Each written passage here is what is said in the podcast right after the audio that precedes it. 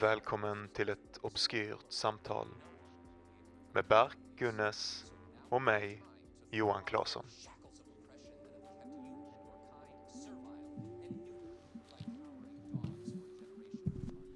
Okej, jag spelar in. Wow. Hur är läget? Alltså jag är så jävla fucking tjock och Alltså, otränad. mannen, jag, jag är också så jävla tjock alltså. Jag, skulle, jag hade samma talking point denna veckan. Berätta för mig varför du är, varför du är tjock. Och du hör ju på mig. Jag gick och hämtade en kudde. Och jag är helt var- svettig och Jag trött. hör att du andas med munnen. Ja, jag vet. Det är en riktig, eh, jag gjorde det. Jag, har- jag har, nej, det är bara, fan jag tror att det bara är en grej som människor gör. Jag har, eh, nu är jag täppt som fan i näsan. Jag vet inte om det är lite allergi och grejer, men jag gjorde en sån, eh, jag började göra en ansträngning för, eh, ja men det var väl då i samband med att min näsa öppnades upp efter det där jävla meditationslägret. Sen dess har jag gjort en sån jävla ansträngning för att inte andas med munnen. Mm. Alltså att jag, i början var det skitjobbigt även när jag var ute och sprang och sådana grejer och bara andas med näsan alltid. Och nu är jag täppt och nu känner jag att jag vill andas med munnen. Men annars andas jag nästan aldrig med, med munnen längre och det är så jävla skönt. Det Vad är känns fördelen? Jag, jag började läsa en sån eh, bok som en kille i min, eh, i min hundrastgård rekommenderade till mig. Brian Nestor tror jag han heter. Nestor heter han i alla fall i efternamn. Amerikansk journalist eh, som har skrivit en bok om, eh, om näsandning. Och jag vet inte hur eh, mycket som har satt sig i den. Men, men det hand, framförallt är det väldigt mycket, och det här finns asunderbyggt, jag har hört det på många andra ställen också, men framförallt så är det väl att partiklar Mhm. eh, filtreras mycket mer Jo. när du andas genom Ja, näsan. ja. Liksom. Ehm, och jag tror också att din syreupptagning är bättre Mhm. eh, när du andas genom näsan därför att du har en massa jävla slemhinnor och skit som Mm. jag tror kan, eh, kan ta upp syre. Jag, jag vet inte. Men, eh, men känslan är ju i alla fall att du får mycket mera luft. Liksom. Jag gillar att du är Eh. sån utforskare av, av så många saker. Både med, med din kropp och men också med liksom, psyket och sånt. Ja, men jag har också riktigt mycket mindervärdeskomplex för att jag nu inte kan berätta mer. För nu har jag ändå läst ganska mycket Ja. av den här boken. Och det, jag känner att det är så här med, med skönlitteratur också, att för mig så sätter sig in ingenting annat än enskilda anekdoter. Och till och med de är skakiga, vilket leder till den här jävla extrema fraudkänslan som jag har när vi, när vi gör den här podden och sånt. Att jag bara hoppar från grej till grej. Inte, Och det känns ganska bra. Och jag vet att det är ungefär rätt. Eller det, det, det i alla fall pekar. Mm, mm. Det, det, det är tillräckligt rätt för att jag ska känna eh, någon slags förtroende till, till det jag håller på med, liksom, eller det jag pratar om. Men om någon, du vet, om någon faktiskt vet vad de pratar om så är ju hälften av det jag säger approximationer liksom, Ja, eller gissningar eller whatever, eh, ungefärliga statements. Alltså, men, alltså, jag, vet inte, jag har svårt att förstå varför det skulle vara en, alltså skulle kunna ge en känsla av att det var en fraud. För att jag tänker mig att hela poängen lite med Alltså den här podden är lite den typen av snack. Alltså det är lite så här, om man skulle, om man, vi går alltid in på den här metakommentaren. Det är, hela, det är hela poängen med vårt kön. Det är Eh, det som jo, är det att, också, men vi, vi, killgissa. vi liksom, ehm, vi, vi, vi tar det till oss liksom. Vi, Ja, jag vet, men skit, skit i denna podden. Jag menar mer i allmänhet i livet. Jag är Ah, orolig okej. för detta nu inför eh, liksom, tanken att bli akademiker. Att jag bara, men kan jag, kan jag ens vara en sån människa Mm. som säger saker som, som är sanna? Liksom? Eller så här, alltså, kan det, jag, Brukar det också vara så, händer, det dig ibland när du pratar om någonting med väldigt självförtroende? Att du mitt i när du säger typ fattar att du bara approximerar och bara säger saker som inte du inte ens egentligen 100% vet är sant. Du inser det typ mitt i konversationen säger vi.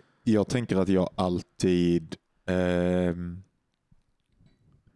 att jag alltid känner att det är sant nog Mm. för det jag vill åstadkomma i en konversation. Mhm. Men jag har blivit så jävla medveten, det, det, det, det är ju kontinuerlig sak att prata, men speciellt med den här podden, men kanske även med liksom tanken på mig själv som akademiker och liksom tanken på att skriva saker som gör sanningsanspråk. Mhm. Ja, ja, så här är det. Ehm, att jag är riktigt rädd för min eventuella oförmåga Mhm. att gå över in i, i den sortens kommunikation. Och jag är, jag är rädd för det när jag gör ehm, när jag gör ehm, när jag pratar i denna podden över det faktumet att det blir inspelat. Mm. liksom Mm. Och så fort det blir inspelat ehm, så existerar det på ett helt annat sätt än vad du gör när du säger det till folk. För med folk så finns det följdfrågor och, folk, och med folk så finns det en slags förståelse inför att samtal är någonting flytande och orörligt och grejer. Men så fort det blir inspelat så är det nästan som att det hoppar upp till en annan nivå så att ens fel, tänker jag i alla fall. Jag tänker när, när jag hör folk ha fel på poddar eller något sånt, speciellt om de liksom utgör sig för att veta någonting, så är det bara så haha vilken jävla idiot, jag vet mer än denna människan. Och så har man direkt gjort ner dem. Men jag, jag tror att, alltså, du, du har rätt att poddformatet skapar den, den känslan i det vi säger, kanske. Men jag får känslan också att vi liksom har medvetet gjort ett format och ett sätt att prata på som både i namnet på podden också, men också i liksom hur vi är som människor, där vi eh, verkligen försöker få fram den här konversationskänslan och att man letar och söker efter det man pratar om snarare än att man konstaterar typ saker eller att man Jo, påstår saker. jo, jo, men det, det är säkert sant. Ehm, Så det men, finns en dimension, det finns ett spektrum liksom i jämfört med andra poddar på hur, vi är inte dokumentär, vi går inte här och säger så här ligger det till. Och ofta så pratar vi också om saker som är mycket mer abstrakta, som inte riktigt har ett, ett fel eller rätt svar typ. Visst, Det kan vara känslor eller upplevelser Mm. eller teorier och sådana saker. Ja, ja det, det är säkert sant. Ehm, och jag vill ju tro det och kanske är det då att jag liksom nedvärderar vad vi är. Men jag känner liksom så här, jag kanske har svårt att förstå vad vi gör när jag känner så här, men vi är inte en humorpodd för vi är Nej, inte precis. roliga nog. Nej. Eh, vi är inte en dokumentärpodd. Vi är inte specialist, alltså vi kommer in på teori och filosofi, psykologi, jada jada, men vi är inte specialister på något utan vi är ja. jävla slentrian hobbyläsare på allting. Liksom. Säkert relativt kompetenta om vi sitter i ett rum med random utvalda människor men ändå inte tillräckligt för att liksom, det ska ha något sanningsvärde. Det är där Ehm. podden är som svagast egentligen, du har helt rätt. Att Alltså, vi inte att vi inte kan definiera den egentligen. allt, allt konstnärligt kreativt jag håller på med följer den, eh, följer den devisen. Liksom. Ehm, ja, eh, men sen, ja, jag har ju pratat skitmycket, eh, eller jag har pratat om, om det tidigare med dig och sen så pratade jag om det väl kanske i ett avsnitt eller så klippte vi bort det att jag också känner riktigt mycket Alltså jag, jag har ju fått tvångstankar om att bli missförstådd på Mm. ett sätt som, som jag eh, nu hoppade vi från det här tjockissnacket, vi ska komma Ja, tillbaka kommer till det. tillbaka. Men eh, eh, ah, ja, alltså jag har eh, fått, fått sån tvångstankar med att jag ska bli missförstådd av den pyttelilla publiken vi har. Mm. Men det känns för mig, jag har insett, jag tror jag sagt det någon gång innan också, men att jag har trott att jag vill bli känd Mm. på någon nivå i hela mitt liv. Mm. Och det finns ingenting som har fått mig att fatta vilken jävla Pandoras ask det är så mycket som att göra detta. För nu... Men du vet, jag har sagt grova saker hela mitt liv och, och liksom sjuka, så- alltid haft a- becksvart humor och växte upp med liksom så här eh, jävla Mr Cool och Färska Prinsen, så här sk- skämtrappare som är asgrova och liksom skämtat om jävla folkmord eller vad fan det nu är i alla tider. Liksom. Varit en jävla edgelord liksom. och aldrig brytt mig. Mm. Och nu är jag ju helt manisk. Alltså nu tänker jag att jag ska bli missförstådd varenda sak jag säger. Att folk ska tänka det absolut värsta som går att så i tänka mig. verkligheten också då? Eller bara i... I förhållande till podden. Ja, därför att i ja. verkligheten, alltså jag vet väl att, jag tänker nog att alla mina vänner, det var ett tag som det började blöda över i verkligheten, men det har lagt sig. Men jag, för jag tänker att alla som jag känner litar på det jag säger. Ja, ja eh, har förtroende för mig, fattar liksom att eh, men, och vet att jag är en, en, i de flesta Mm. liksom, avseenden en ganska god människa. Liksom. Ehm, så då att jag är så här konstigt excentrisk med alla mina döden-ämnen och att jag alltid tar döda barn som exempel, liksom bara för det är det grovaste man kan säga. Det betyder ingenting för dem. Men här, i den här veckan, det är att jag började prata om, eller jag lyssnade på våran podd och hörde mig själv säga det här med Stephen King, att han har tänkt på döda barn. Och, och, sen, så och sen så två sekunder senare så sa jag att jag hade skrivit om det också. Ja. Alltså då har jag ju haft två, alltså varenda dag jag bara, nej, folk tror att det här är det jag vill göra i mitt huvud nu. Och jag kan inte komma bort från de tvångstankarna. Ja. Du vet att folk skulle så här, nästan sitta och skriva om det på Flashback. Ja, och du vet den, ex- på den här Johan Claesson och den extremt negativa, cyniska, äckliga blicken som man ser att folk har på Flashback. Alltså Ja, folk är ju ja. så misstänksamma och skvallriga och onda. Mm.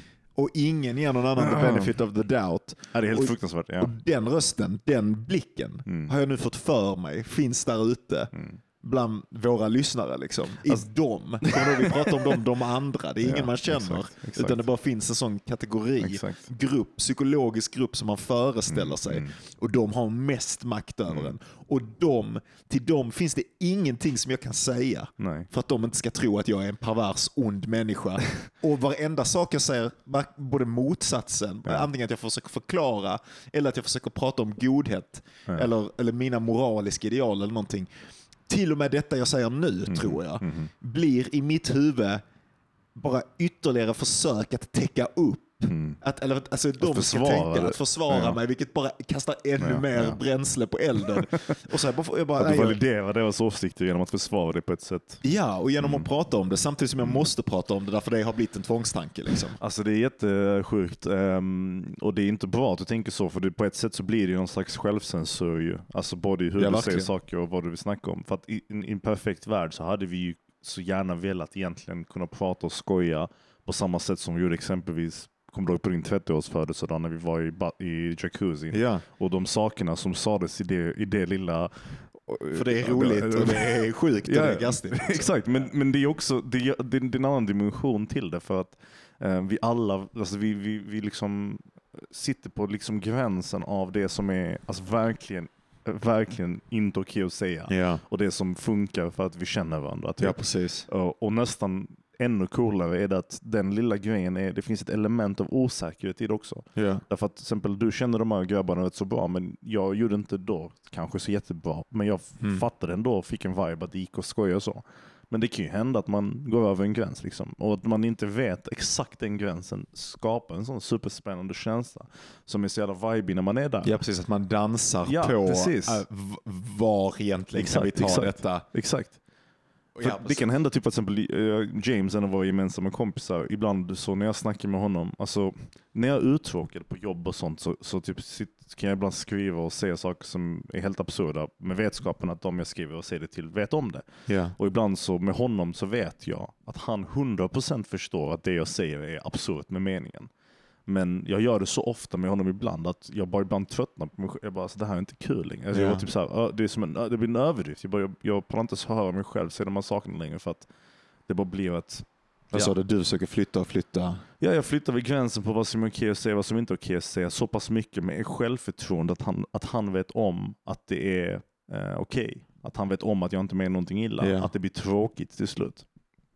Men oavsett vad, jag menar i alla fall att för att komma tillbaka till poddgrejen att det är väl, hade varit skitkul om man hade kunnat snacka så också.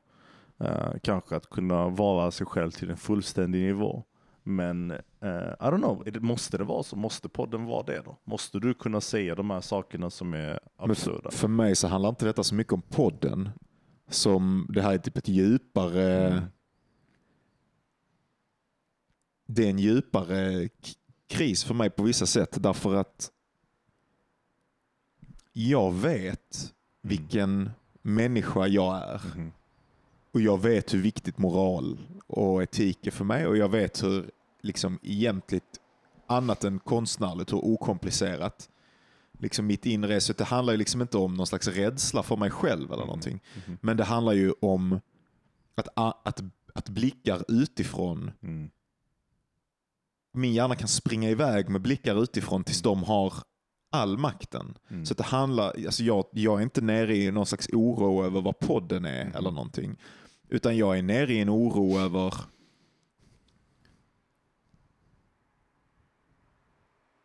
min relation till, till, ehm, till liksom omvärldens till omvärlden och, och att, att plötsligt att de sakerna som jag känner är viktiga och Mm. riktiga Mm. Och, och, och, och, det som är liksom akut nära och det som är, är kanske de viktigaste ämnena att prata om. Det finns någonting i mig Mm. som nu kämpar emot att någonting av det skulle gå att prata om. Mm. Därför att jag är så rädd för att bli för, för vad någon slags konstig Mhm. normativ blick som jag har föreställt mig skulle tänka om mig som en följd av mitt intresse för de här grejerna. När du föreställer dig typ den gruppen av människor, den här hypotetiska Ja. andra gruppen som tittar. Vad ser du typ framför dig? Ser du typ ett ansikte eller en person? Eller vad, vad är det för typ av personer som tittar på dig? Och dömer dig liksom. Nej, de har nog inget ansikte. Det är så. Alltså, så. Det har de. Men det, är- det är ju också sådär, just, ja, om jag sätter ett ansikte på dem Ja, så blir det ju gärna så här, men jag skiter väl fan i vad de tycker. ja, ja. Alltså jag vet ju, Mm. ofta så, de människorna som är samt normativa, Mhm. ehm, de är ju obehagligast. Det är de som åker till Thailand och köper horor. Och det, är de som, alltså det är de som är helt jävla gränslösa och gör saker som jag aldrig skulle göra. Ehm, som, det är de som saknar, det är de som saknar ett jävla, ett, ett moraliskt vara. Liksom. Så jag skiter fan i vad de tycker. Och så gör jag samtidigt inte det, därför de, den dimensionen av dem existerar inte när deras dömande av mig sker. Men Jag frågar för att um, när jag funderar på, för jag har inte riktigt samma sak på det sättet nu i alla fall, men jag har haft det tidigare. Jag hade det när vi träffades för första gången i skolan. Där den här föreställningen om att jag var en, eh, att jag inte fick, alltså så- här, att jag, om jag pratade för mycket i klassrummet i universitetet. Just det, så dömde alla det. Ja, Ja, precis. Och sådana saker. Och det är rätt så normalt tror jag att ha den känslan. Men jag har också haft känslan av att eh, föreställningen att man ska bli missförstådd typ. Eller att folk ska inte fatta grejen med det man säger och det man är. Och det har varit en obehaglig sak. Inte riktigt samma som du känner, men liknande. Och då i alla fall när jag tänker tillbaka på den eh, gruppen av människor som jag föreställer mig i mitt huvud. Som jag tänker mig skrattar eller dömer. Så är det typ har jag märkt, och det är inte någonting som, som jag ser och har sett då, men som efter väldigt lång tid av självreflekterande har blivit tydligt för mig. Eh, Men att det är typ de människorna som när jag var väldigt liten var jätteelaka mot mig. Och jag, det är konstigt, jag vill inte säga att jag blev mobbad.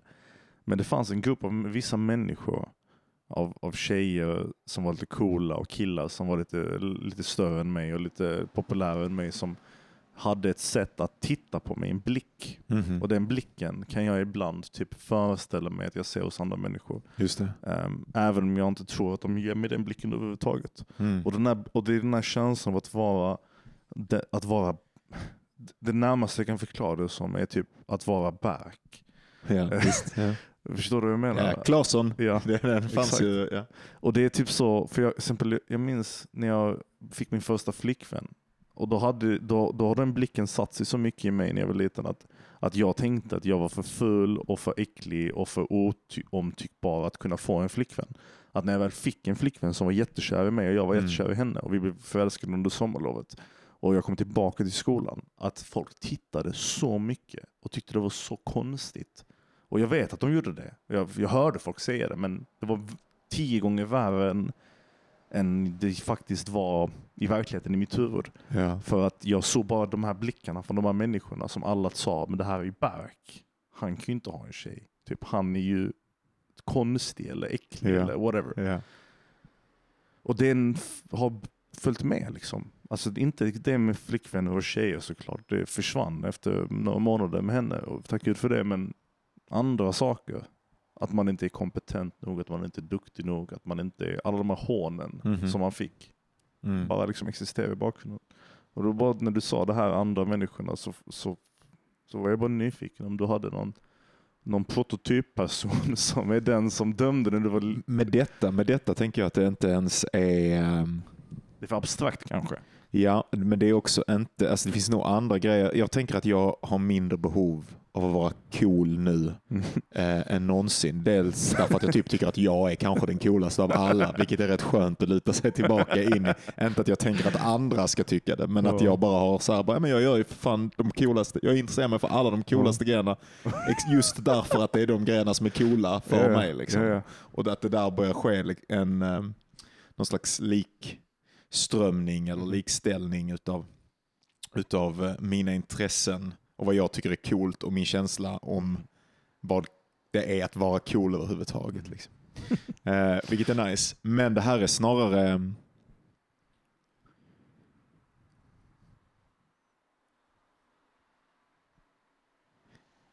Ja, vad fan, det här är någon, någon slags ehm, normal Svensson men också inte, inte bara Svensson, utan alla, allas mammor. Mm. Och kanske så här, ja, eh, alla snälla pappor. Och eh, folk på jobbet som bara verkar vanliga. Ja. Och sådär. Och att jag då plötsligt får för mig att alla de ska hitta till min podd, höra den här jävla grejen och tänka det värsta möjliga om mig och inte alls fatta. Alltså du vet på det sättet. Och folk, Men det här folk är ju så. Folk ett barndomstrauma för fan. Ja, kanske, men det är också, det har, ja det är det För säkert. du har snackat tidigare om liknande saker. Du har sagt att du har den här, det här när du sa Svensson-familjen och den här pappan. Och, och det här Men det är inte bara, det är inte bara, ja precis, jag har det absolut. Först- Förstår du vad jag menar? Att det är någon, någon parallell där ju som, som känns i alla fall som Ja, tangerar på det typ. Kanske. Jag läser ju nu en, eh, jag har min filosoficirkel och vi läser Anti-Oidipus eh, av eh, eh, Deleuze och Félix Guattari. Mhm. Eh, fransk, franska filosofer och psykoanalytiker.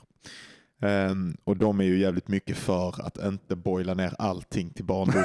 eller så så här, den, oidipala formen. Ja, Liksom. jag fattar, jag fattar. Att Varför? inte allt ja. handlar om en, relationen till mamman som blev fel så, relationen till pappan, utan att det absolut Ja. kan finnas, det finns någon kontaktyta där. Ja. Men min känsla när du säger det Mm. är att det inte riktigt, där finns en fullständig översättbarhet. Mm. För där är det inte nödvändigtvis heller, för jag har pratat om tidigare mitt behov av att passa in i någon slags borgar vithetsnorm. Liksom.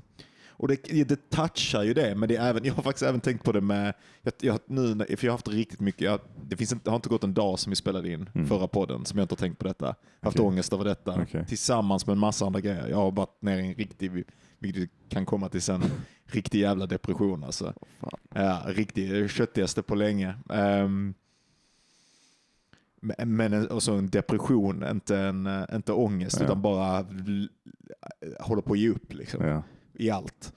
Um, Då fick min mamma lyssna. Ja. vad sa du? Min mamma lyssnar. Och då ska jag säga detta, att det bland annat nu under de här dagarna så har jag tänkt att det är din mamma som ska missförstå mig.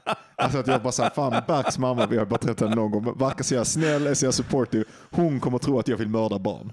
Alltså, det är, det är, så det är inte bara liksom vithetsnorm, utan det är alla snälla människor. Alla människor som jag inbillar mig är snälla och goda på riktigt. De ska döma ut mig att jag inte är en av dem. Hjälper dem? Min mamma kommer på in i ett samtal det som vi klipper in nu, blir just någon- nu i den här Nej. sekunden.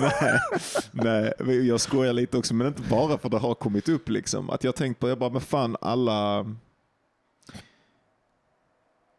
Eh, ja, jag får för mig alla grejer, jag får för mig att folk, vänner till mig som har barn och sådana grejer ska plötsligt inte vilja låta mig vara med deras Ska barn för att alla ska tro att jag är ond. Vad, vad sa du ens som barn som skulle ens... Då sa jag, men och det värsta är att nu eftersom det har blivit en tvångstanke så blir också barn alltid mitt exempel. Ja, ja. Det finns någon sån här grej jag läste om, kommer du ihåg när Pewdiepie sa n-ordet? Ja. Att det var en sån grej. Och då läste jag någon artikel som är så här, och det är, nu är vi verkligen inte kända, men det är ovidkommande, utan den psykologiska strukturen är det som är det relevanta. Mhm.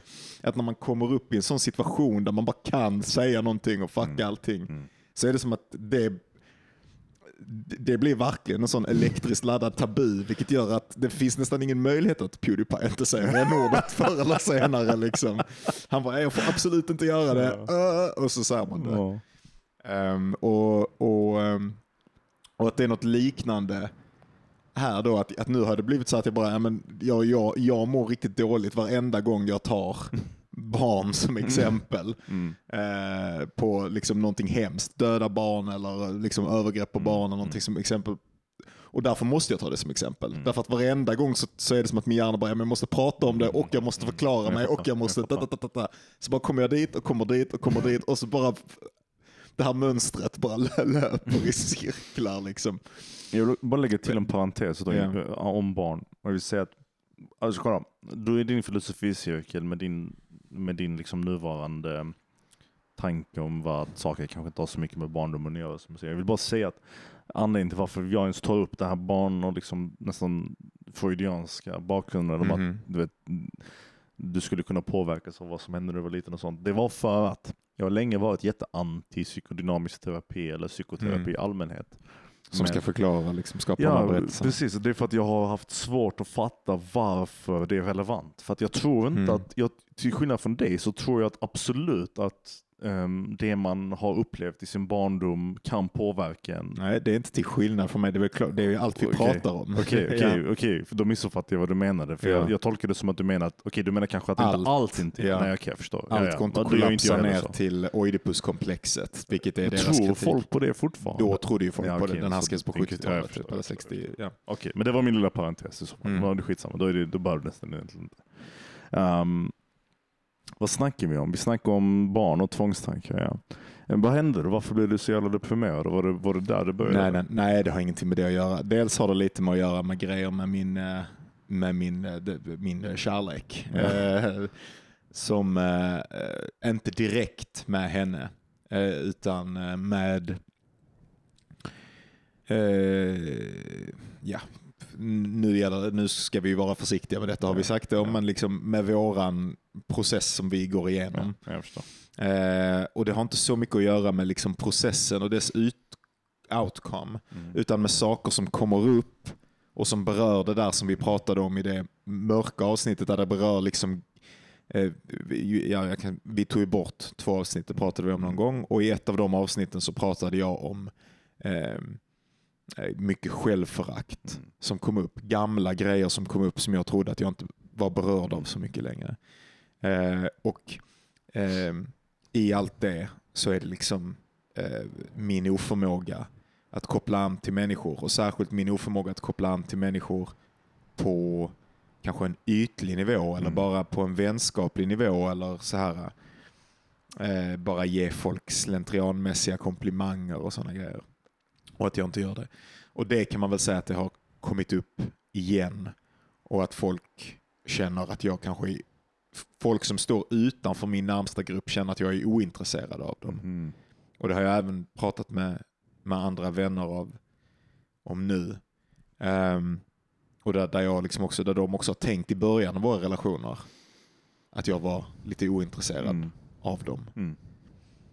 Ehm, Har och det är bara- inte riktigt sant. Nej, nej, klart inte. Eh, Jag, jag känner inte att jag är, är, är ja, det finns definitivt människor som jag är ointresserad av. Som är, Ja, ja. Jag har ett ideal av att kunna se bara det, det mänskliga i någon annan Mm. och så ska man älska dem. Men det idealet lever jag ju verkligen inte. Utan det finns ju folk som jag bara tycker är så fucking ointressanta. Att jag vill att de ska ha allting bra i livet, Mm. men jag vill också inte prata med dem. Mm. Eh, alltså de behöver inte nödvändigtvis prata med mig.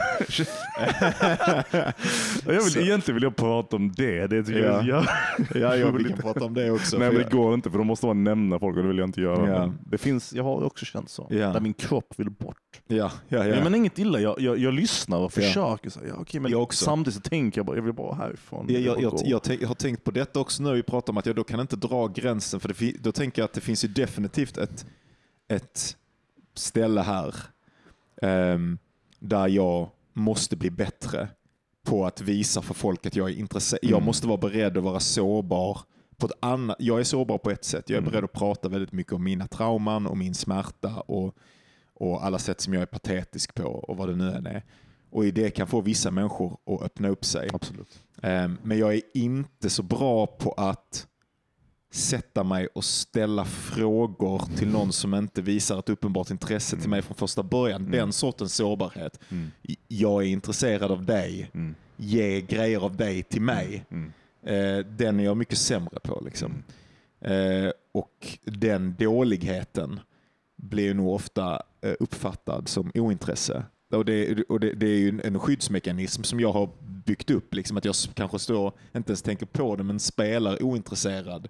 Därför att jag är så oförmögen att göra de kopplingarna. Får jag, ge dig, får jag säga en sak som, som du gör ibland Ja. som eh, kan vara intressant att prata om? Ja, jag.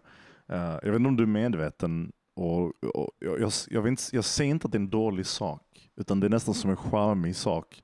Men det är lite jobbigt. Ja, och det är när, du, när man är med dig och, man, och, och, din, och din närmaste kompis podden kommer in i bilden. Så, Så försvinner alla så andra. försvinner alla andra. Det är faktiskt lite Ja. sjukt. Ja. Ja. Alltså det har till och med hänt att jag typ så här har nästan förutspått, det, du vet, så här, det är så förutsägbart. Jag kan tänka, okej, nu kommer jag, och nu om fem minuter så kommer de bara...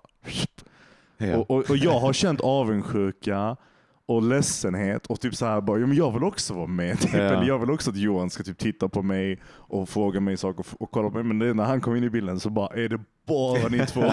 att det är nästan som att det är någon sån här über liksom romantik eller någon sexuell Ja, spänning. vi, har, vi, har, vi har en sån relation. Hans, hans eh, flickvän sa massa sådana grejer till Ja. mig. På, han gjorde någonting på midsommar Aha. och så, eh, och, så, och så fick han då komplimanger eller någonting. Och jag sa ingenting och hans flickvän bara Come on you have to say something Johan. Your, it's, your opinion is the only one that Ja. matters. Så att, det var, att det finns liksom någon sån dubbelhet. Och, så, Mm. men, eh, och så är det ju. Men det är ju, vi har ju gått igenom Mm. så jävla Mm, mycket.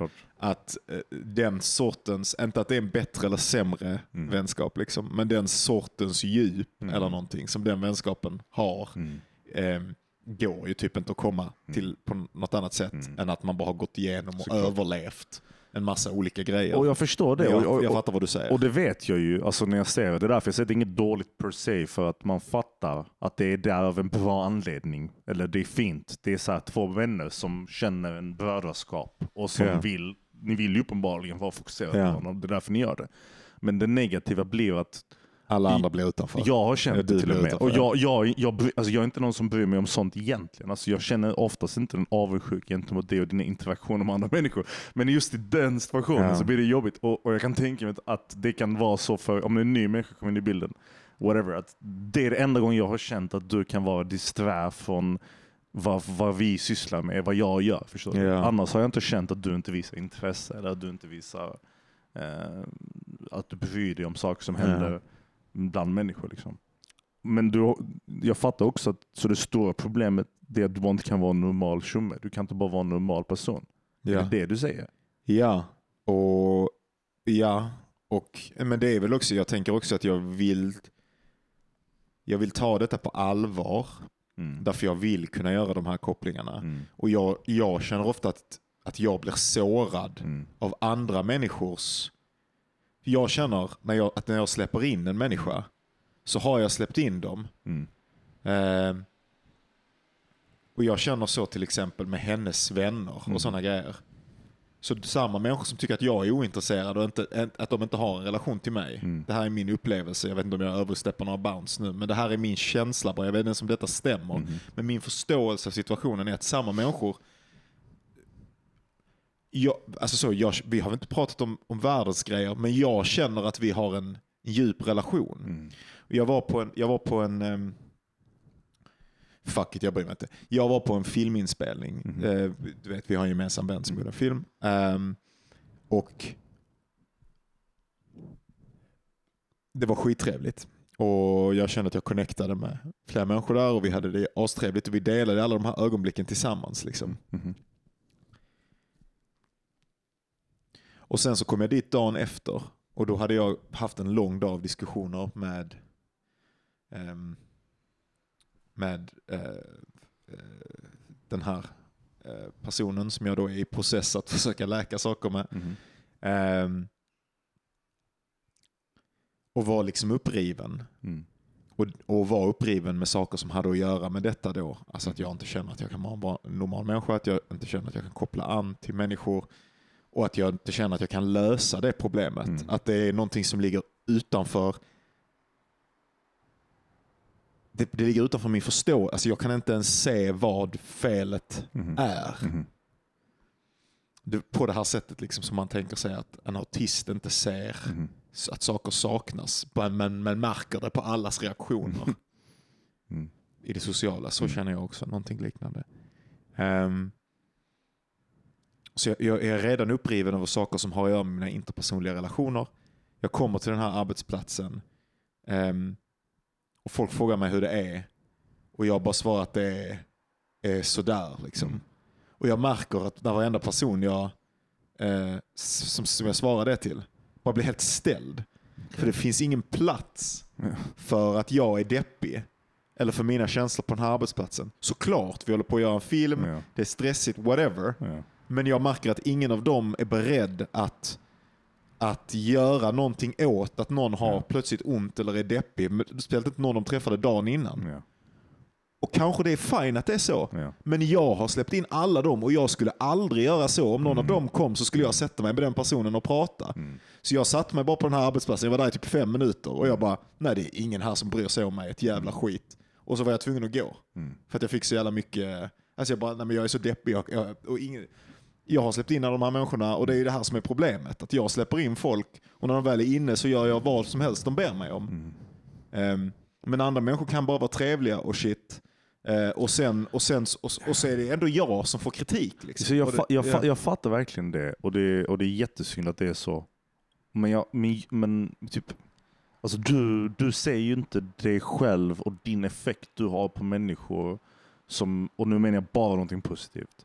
Och det är att du utstrålar ibland ett självförtroende och en larger than life persona som gör så att det kan vara svårt för människor att ens tro att de typ är okej med att fråga dig sådana saker. Och det låter Ja. helt absurt egentligen, men, men jag fattar den känslan. För att jag, jag vet att folk kan tänka, men vad ska, jag, vad ska jag göra för att hjälpa Johan? Typ, vem är jag liksom? Inte, jag menar inte att du är Jesus, men jag menar bara att någon person som Jag precis här, träffat dig, som har sett dig bara så... Vattentricket, du vet. Vadå vatten? Ja, just det. förvandlande ja, till vin. Ingen sjukt om du hade varit Jesus, alltså återkomst. Du, Hade. fuck. Va? Jag säger det. nej. Ja, nej, men det, men det är du, jättekonstigt för mig. Alltså, Det- jag, det, det- du är inte du- den första som säger det. Nej, Liksom. du, det, du, kan- och du kan ju inte se det. Och, och det måste ju kännas jättebult att vara den på andra sidan som upplever det. Men, du, du, men alternativet är att antagligen ingen bryr sig om dig. Eller att folk menar väl men de bara inte vågar. Men jag tror också att det här är en jävla konstig vattendelning. För jag tror att det är många som också bara tycker att jag är en konstig loser. Alltså jag tänker ofta, min Ja, känsla ja. är ofta att mina typ, Men alla inte där. nödvändigtvis här.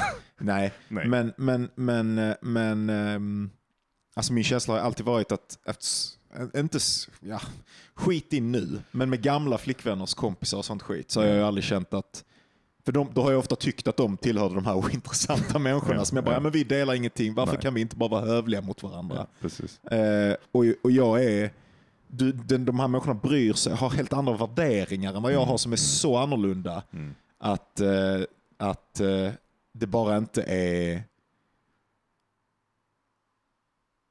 Det är omöjligt att vi skulle överhuvudtaget alltså, konversera. Alltså, vi, vi, vi delar ingenting. Mm. Vi delar ingenting. Ehm, utan vi är bara här därför att vi tycker om en gemensam person. Och det kan väl vara okej. Mm. Och så känner jag inte nödvändigtvis nu, men så har jag känt tidigare. Mm. Och de människorna har jag känt. Mm. Att de, de har jag då verkligen tyckt att de inte fattar varför deras kompis är tillsammans med mig. Ja. Och det är ju fine. Ja. Okej, Ja. men då, Men det är ju då inte tycker jag att det riktigt, är jobbigt att, att jag inte, att jag, ja, det är inte då- riktigt vad jag säger. Jag säger Nej. inte att det är att de inte... För det, här, är- det du säger här är ett exempel på människor som bara inte är i samma våglängd. Och de menar inte att det, det är en bättre våglängd och en sämre våglängd. Jag menar bara att det är två olika våglängder, de bara matchar inte varandra. Så att era konversationer är bara styltade och det går inte fram och det är inte smooth och ingen bryr sig. Och det är fine och det är okej, det händer alla människor. Men vad jag beskriver här är att det kan finnas i ett rum av för, för, 20 personer, ja. f- 10 som bara ja, Johan är en fett skum kille, jag har inget intresse för honom. Ja. Och 10 som är bara såhär, fan vad jag diggar Johan skitmycket. Han är skittrevlig och skitrolig. Men han är sån jävla persona typ. Sån jävla karaktär att, eh, vad fan, jag vet inte ens, du, jag vågar typ inte. Alltså förstår du? Och, och, det, och det är lite så, typ såhär, nu, till exempel när du var på min överraskningsfest, eller det var mina kompisar träffade dig. Varenda en av dem sa efteråt till mig, alltså jag kan inte varenda en, de ringde inte mig personligen och sa att de älskade Johan, men minst två, tre personer sa liksom, Fan, den här killen, han var skittrevlig, så jävla rolig kille. Jag gillar honom jättemycket, bla bla bla sådana saker. Även om de hade en upplevelse om det, om du hade gått fram till dem och sagt efter att du hade haft någon stor bombastisk liksom, filosofisk eh, förklaring om, om livet och, och dina tankar om jaget och själen och allting sånt, säger att du inte mår så bra dagen efter. Alltså att, att de ska sen hoppa på så som du hade gjort mot dem och, och, och, och göra det du förväntar dig. Jag Ja. förstår varför det kanske inte skulle ha hänt. Ja, men, Och jag vill bara vara tydlig, jag vill inte, jag vill inte ge dig någon, sån, någon slags narcissistisk Ja. Jesus-grej, men, men jag har sett det. Jag har sett det när jag har varit med dig, att folk kan vara så. ja. Och det behöver inte vara en dålig sak. Nej, det är möjligen, men, men ehm, ja. Jag, jag kan inte ens, jag kan inte ens Nej. säga någonting om en sån sak. Utan vad, vad, jag, vad, jag, vad jag... vad jag antar att krisen har legat i och vad jag försöker fundera ut, det är liksom var var finns utrymmet för att bli bättre Mm. och var, om någonstans, finns utrymmet för att säga ja, men jag bryr mig bara inte om de här Mm, människorna. mm. Så att jag kan vara snäll mot dem, men jag, jag, det, det, det finns faktiskt inte. Mm. Eh, för skulle jag kunna bry mig lika mycket om alla människor, då skulle jag literally vara Jesus eller Buddha. Eller, alltså då är det, det, är- det är klart man har det som ett ideal, Ja. men det, jag, det, det är långt ifrån sanningen. Liksom. Ehm. Men ja, och, och, och Det, det, det är väl kanske, alltså poängen med det jag säger är väl om man ska liksom sammanfatta det på något begripligt sätt. Det är att du behöver kanske, problemet kanske inte är så stort som du föreställer dig att det är. Det kanske finns andra dimensioner till det som är bortom din kontroll. Ja. Förstår du? Och då kanske det är bara vissa saker du ska fokusera på, som att vara mer lättillgänglig för folk och kunna liksom Ja. nå dem på samma nivå som, de, som du vill att de ska nå dig på. absolut. Ehm, och också ha typ, I guess, typ tålamod och förväntningar. Alltså det är som du sa, väldigt bra själv. Du träffat dem dagen innan. Men också, jag, vill, jag, måste också, jag tänker också att det finns det som jag tror att jag har kommit fram till som nu kommer vara smärtsamt ett tag, för det är inte i mina rutiner. Ja. Men det är alltså svaret är ju någon slags version av be the change you wanna be in the world. Liksom. Att jag tror att jag, för att jag har varit sårad och känt, haft under ett mindervärdeskomplex i hela mitt liv, liksom, eh, så har jag lagt väldigt stor premie vid att folk hör av sig till mig Mm. och att jag inte hör, behöver höra av mig till dem. Mm. Folk bjuder in mig till många olika ja. fester. Jag bjuder inte in någon till något. Ehm, och, ehm, och sen blir jag ju då skitsårad när andra människor beter sig på samma sätt som jag gör. ja, ja, ja, jag, vet, ja. jag vet exakt vad du menar. Och, eh, så att det, jag ska väl försöka göra liksom en väldigt conscious effort Mm. att ändra det här eh, beteendemönstret eh, och faktiskt göra mer för att de människorna som jag faktiskt bryr mig om och vill ha djupare relationer med eller bara redan har en djup relation med och bara vill att de ska veta Ja. vad de betyder för mig. Mm. Att jag blir bättre på att göra de här små grejerna, höra av mig och Alltså jag bjuder aldrig in någon till något jävla solohäng eller jag, alltså, någonting. Liksom. Eh, och jag ska försöka göra en, en ansträngning för de grejerna.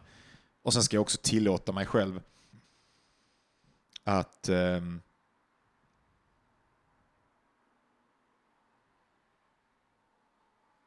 ska också försöka förlåta mig själv att om jag faktiskt är ointresserad av någon så säger det ingenting om mitt människovärde. Liksom, Mm. Utan då är det bara... Då kanske den personen ska vara lite jävla intressantare eller prata med någon annan. Ja.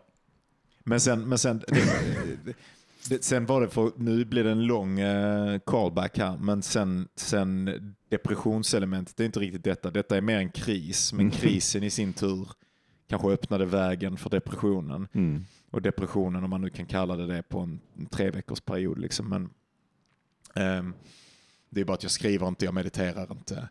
Eh, jag jobbar bara och sen så kommer jag hem och så ligger jag typ i fosterställning.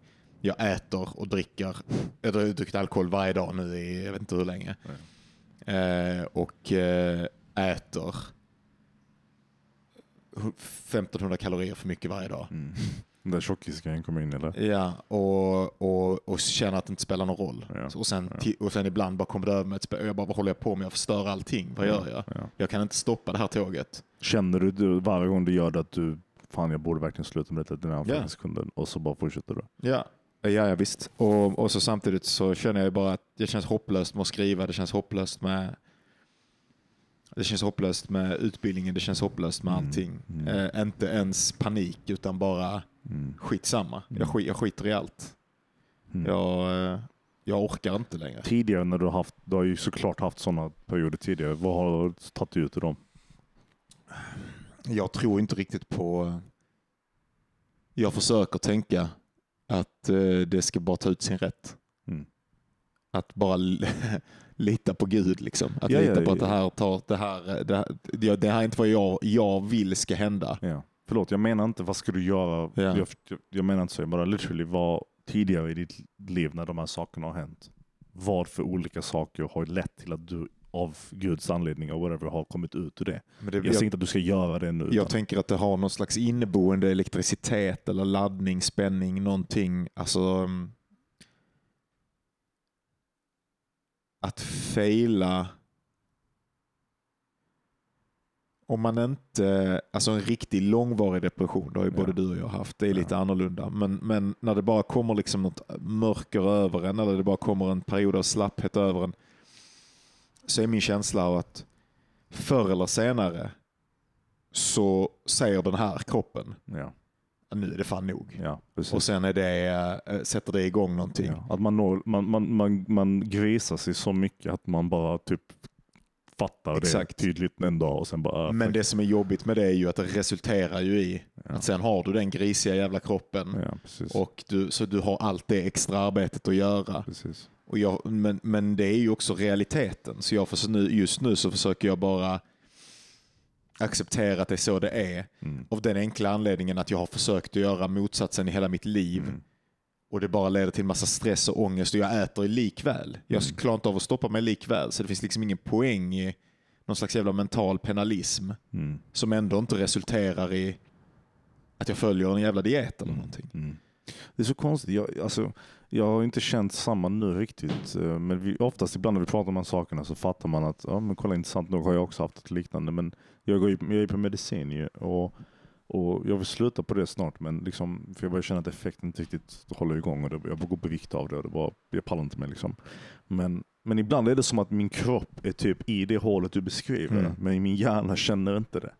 Ja, det är jättekonstigt, men till exempel på sistone nu de senaste två veckorna, så, alltså jag bara jag har bara suttit hemma och typ spelat Playstation och kollat på tv-serier. Och, och inte, inte ens bra, alltså så här skit. Ja, visst. Alltså skit bara. Nu ska ni kolla på Superman tv-serier.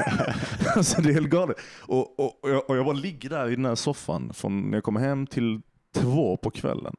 Och är svintrött när jag vaknar. Men bara fortsätter upprepa, upprepa. Skriver ingenting. Bara tanken att öppna min dator och, kolla på det här dokumentet får mig bara så nej jag pa- jag pallar. Ja. Jag vet inte hur jag ska komma tillbaka.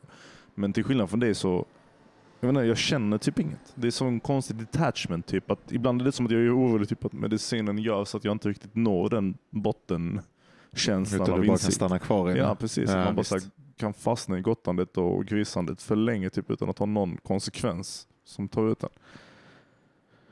Men ja, det var därför jag ville veta liksom, vad du har tagit, ut dig tidigare. För jag bara såhär, men vad fan. eh,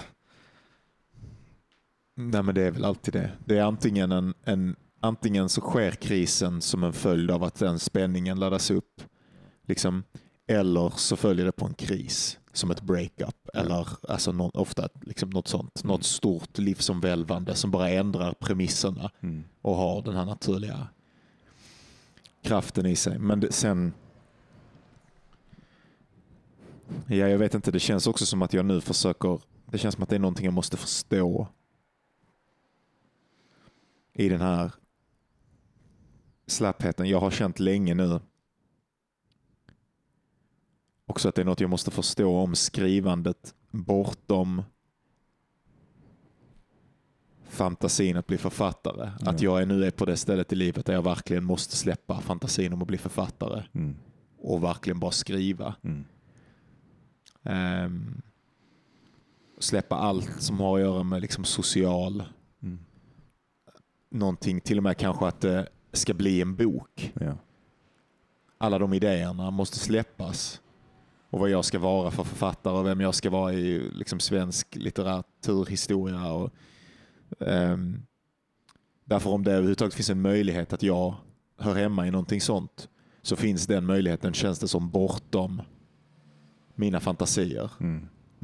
När jag kommer åt, när skrivandet liksom vänder sig mot det riktigt autentiska och inte blir instrumentalt för, Ja. att, jag ska, för att folk ska säga att jag är duktig. Ja, jag vet. Det, och det är en jävligt svår typ grej att våga erkänna för sig själv. Typ.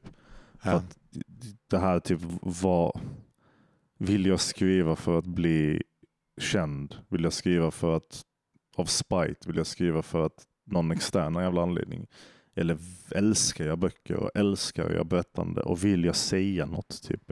Ja. Att den, Hur typ, ofta är det vilket för dig?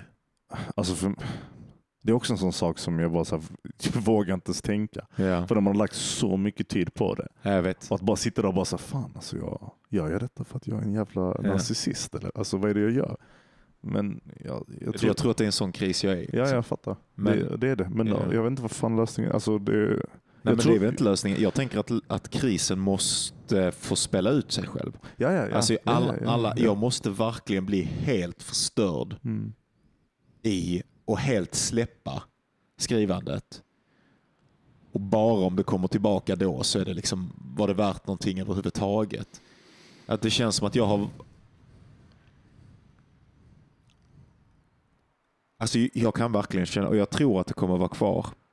Därför jag kan verkligen känna att jag älskar skrivandet ibland och nu, jag lyssnar på Vägen, Mm. Cormac McCarthy, Mm.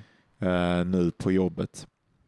Det är helt vackert. Ja, och det är riktigt bra, eller på svensk uppläsning och den är riktigt mysig. Och, och det är bara så simpelt och det är en sån liten story Mm. och det är bara så starkt och jag bara, vad fan, vad är detta för någonting? Alltså hur kan någonting vara det här? Det är ju precis det här som, som allting annat är trams i förhållande. Liksom. Det är så uppenbart att det är det. detta det är. Vet, Eh, detta är hela livet, detta är vad, vad, vad jag ska göra, detta är allting. Men, men, då måste du känna som jag, att alltså, du, jag vill inte skriva något annat än det. Ja, Jag menar inte som honom, men jag menar jag vill inte skriva något annat än det som har den känslan. Ja, det är klart. Det är därför det tar så många år för ja, oss. Ja, Det är därför andra, alltså jag fucking, ja, inte peka ut liksom folk och grejer, men, men när jag har haft folk runt omkring mig som skriver ehm, och det finns så många andra motivationer mm. än, än den, alltså jag, jag, ja, jag vill inte skriva något. Alltså det är samma sak när lärare säger, du, alltså det finns ju en sån attityd att man bara släpp det. ja. Eller bara försök få färdigt det bästa lilla möjliga. Eller what. Mm. Nej! ja, Alltså jag kommer veta när det Ja. är färdigt. Därför att jag vet exakt vad det är för någonting Ja. jag är ute efter. Exakt. Och allt Och annat kan du torka dig över med. Alltså det, jag, jag Ja, men det, noll då, då intresse. kan jag ja. lika gärna göra någonting. Det, är, det är fan mycket roligare att bli ingenjör då. Ja, ja, exakt, jag inte sitta och bara mangla på någonting jag inte bryr mig om. En jävla datan i ensamhet. Fuck det mannen. Det är bara... ehm, det finns ju någon sorts kärna i det jag skriver. Eller någon sorts, någon sorts riktning eller någonting. Som ibland jag är i kontakt med så mycket men som aldrig har fastnat Mm. i bokstäverna liksom, Mm. på sidan. Men jag, på något sätt så är man ändå är jag övertygad Mm. om dess riktighet. Ehm, men jag tror att nästa steg på den vägen är att släppa alla fantasier om social ställning, alla fantasier om att någon ska läsa det här, alla fantasier. Därför bara bortom allting det Mm.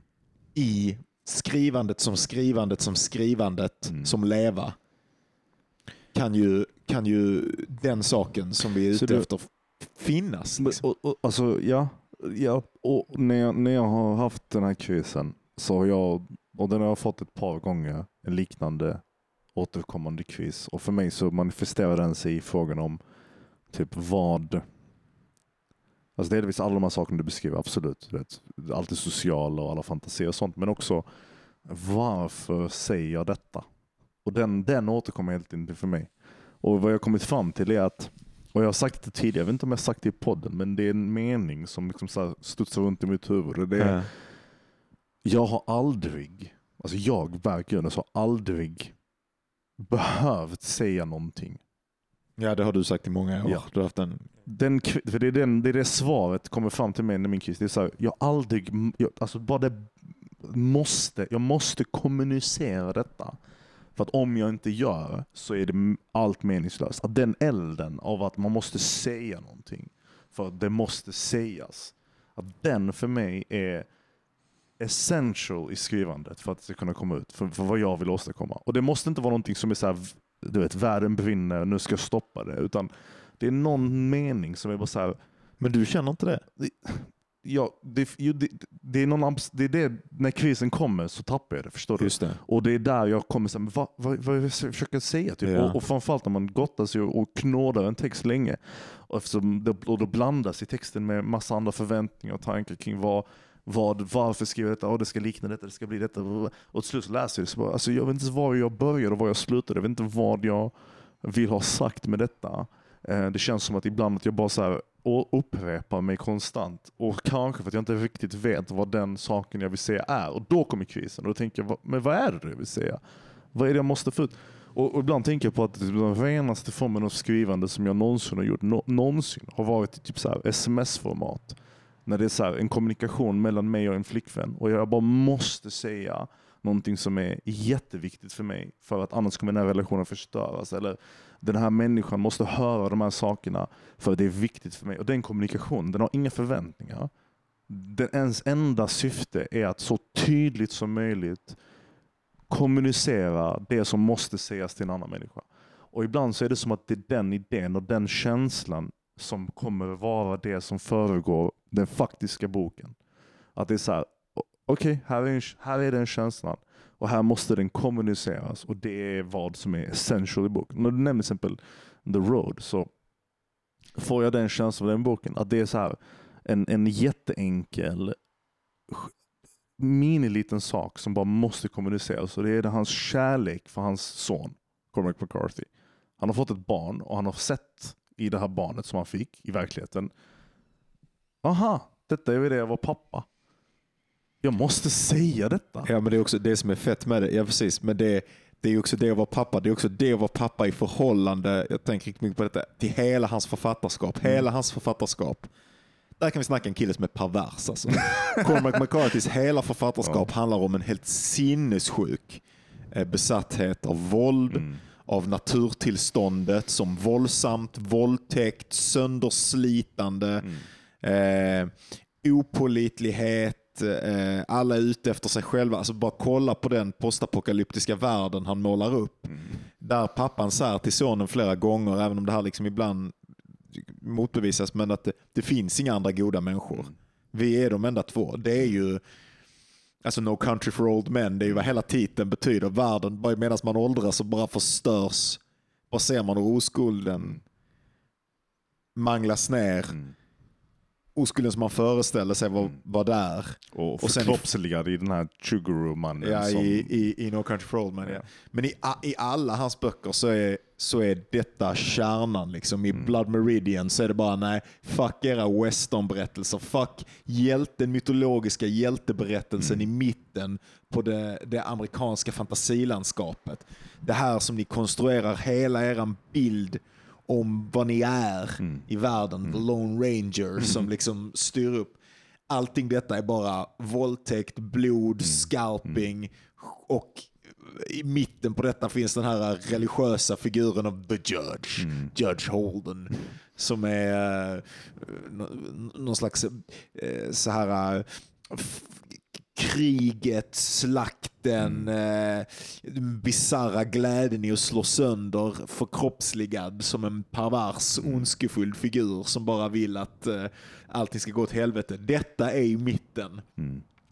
Satan och Gud förenat i ett. Det är i mitten på eh, hans berättelse om den amerikanska western. Liksom. Men i The Road så finns det barnet som ska bära vidare ljuset Precis. ändå. Precis. Mitt i det här kalla, karga skiten som är hela hans författarskap så har han insett att det är någonting med att ge vidare facklan som är ett egenvärde trots hans extremt nihilistiska syn på världen som hela hans karriär har hamnat om, om till den punkten. Och det är en jättefin beskrivning som matchar lite vad jag har fått för känsla i de intervjuerna jag läst när han har pratat om The Road och förklarat då att han blev inspirerad av för att han fick en son själv och liksom fattade Ja. att mm, det är någonting där som måste kommuniceras ut. Liksom.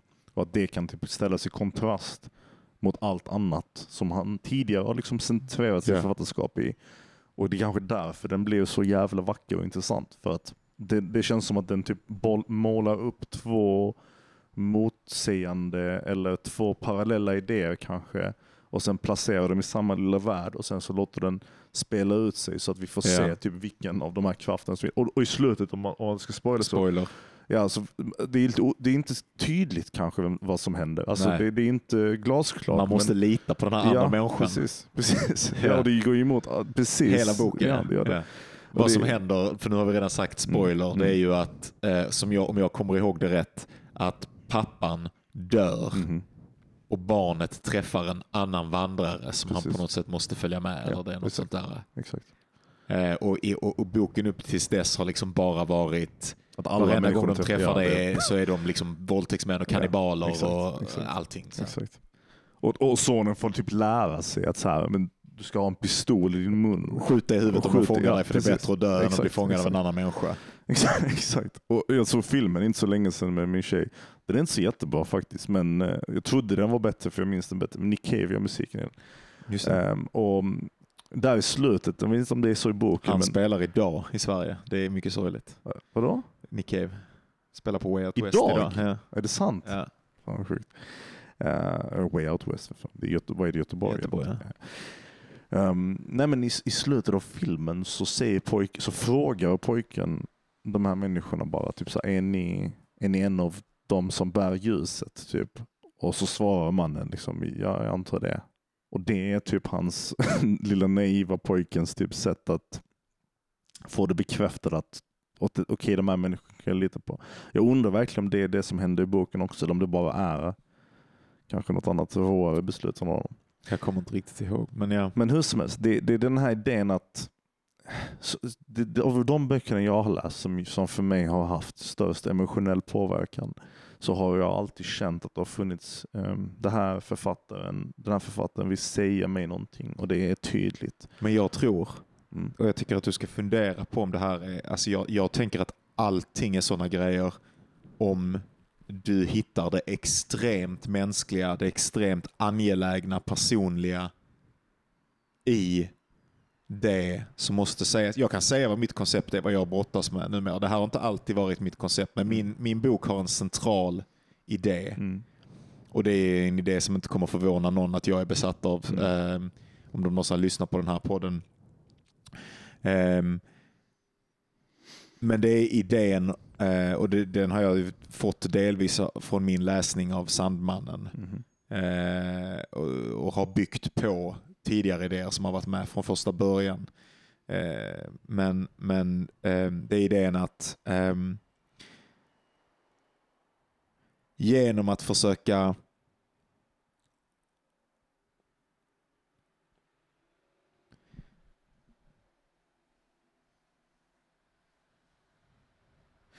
vår rädsla för döden, dödsångest, gör att män, kanske alla, men jag fokuserar på en man och en mans psyke och fokuserar på det från, från en mans perspektiv Mm. och en man som, som då gör detta i relation till kvinnor. För att försöka föreviga någonting med kvinnan. Eh, för att eh, dödsångest leder till att vi försöker stelna Mhm. världen. Mhm. Dels via poetisk kontroll och dels genom, via ägandeskap Mm. av kvinnan som bild. Mhm.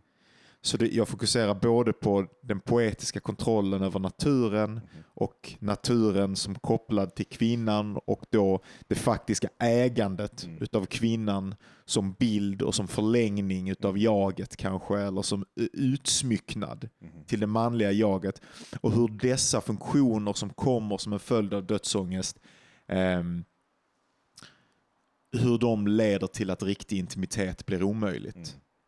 Därför att och, både med verkligheten och med ehm, och med den andra Mm. kvinnan som, som, som den andra. Liksom.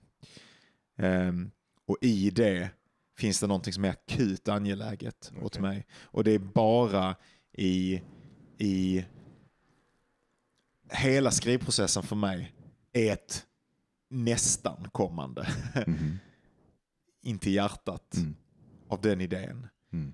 Och jag försöker, och allting jag försöker eh, skriva, då är det liksom att jag skriver scener som jag misstänker har någonting av det här i sig. Mm. Och det är, det, det, det är därför det tar sån jävla tid. För jag, bara, men jag tror att om jag kommer in, om, jag, Mm. om, om, om de här karaktärerna hamnar på det här stället och någonting liknande den här saken utspelar sig så tror jag att det kommer komma fram någonting Ja. av det jag menar där. Ja, Och ganska ofta gör det inte det. ja. Ehm, men kanske kanske att det blir mer och mer